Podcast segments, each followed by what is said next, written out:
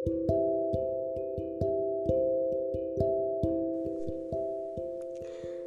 orang, ayah adalah cinta pertama anak perempuannya.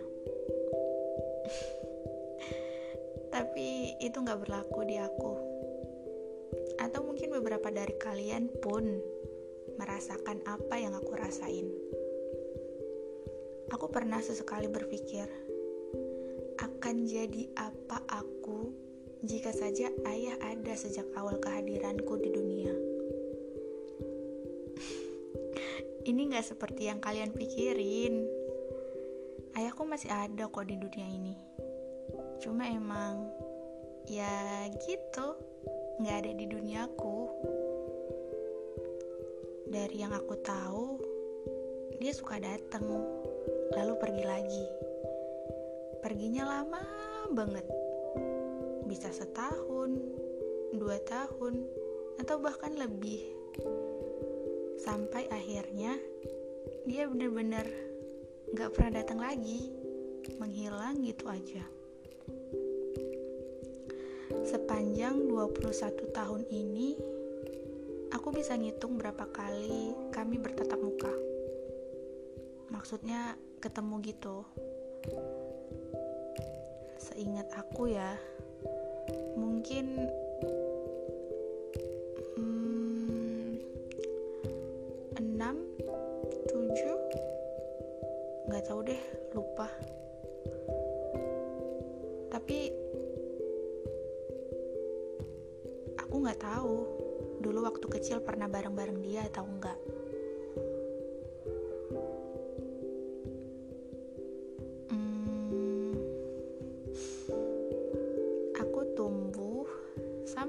Anak lainnya. Tapi mungkin bedanya aku terbiasa tanpa sosok ayah. Ya meskipun kadang aku suka iri sama teman-temanku karena kebanyakan anak perempuan deketnya sama ayah.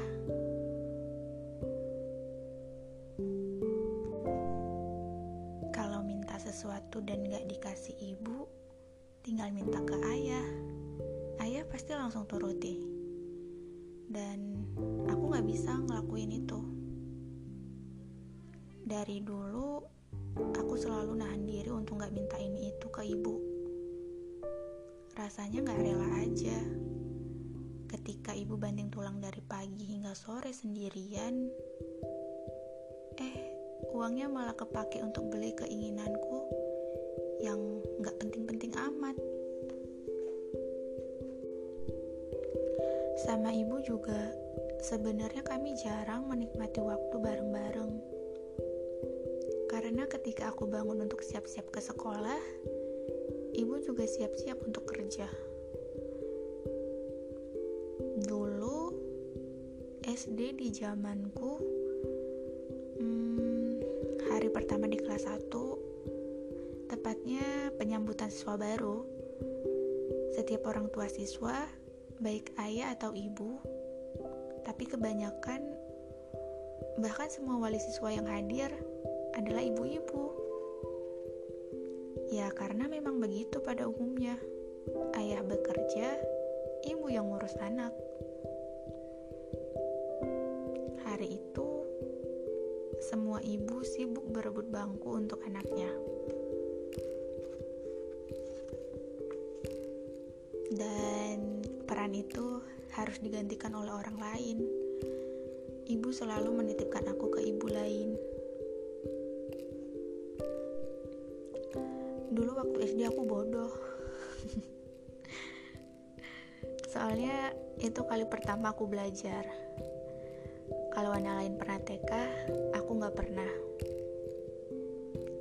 Seingat aku dulu aku ranking 27 dari 30 deh kayaknya. Itu hasil percobaan pertamaku. Waktu itu aku nggak pernah tahu kalau jadi ranking satu bisa bikin orang tua bangga. Sampai ketika kami semua menerima rapot lalu berlarian pulang itu kan disambut sama orang tua di luar gerbang tuh. Aku melihat seorang ibu yang tampak berlinang sambil menghujani ciuman di wajah anaknya. Anaknya adalah temanku, si ranking satu itu. Aku jadi berpikir, mungkin ibu akan sedikit lebih bahagia dan bangga jika aku bisa seperti anak itu. Dari situ aku mulai belajar lebih giat. Ya meskipun sampai lulus SD pun aku gak pernah ranking satu. Tapi alhamdulillah sejak kelas 2 aku selalu masuk lima besar setidaknya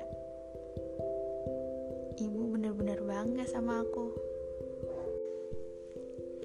Kayaknya sejak saat itu belajar adalah hidupku. Hmm, makin bertumbuh makin banyak yang aku dengar dan aku tahu. Salah satu hal yang aku benci karena tahu lebih banyak yaitu soal kepergian ayah.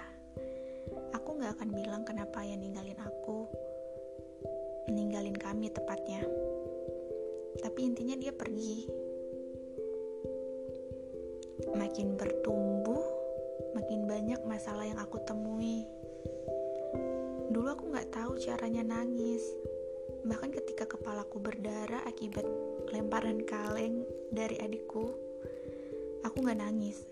Sama sekali gak nangis. Padahal waktu itu darahnya banyak banget yang keluar. Selalu menyimpan sendiri perasaan-perasaan sakit, sedih, ataupun senang. Begitu pula dengan masalah, aku menelannya untuk diriku sendiri. Ya, karena nggak ada tempat untuk berbagi. Kan ada temen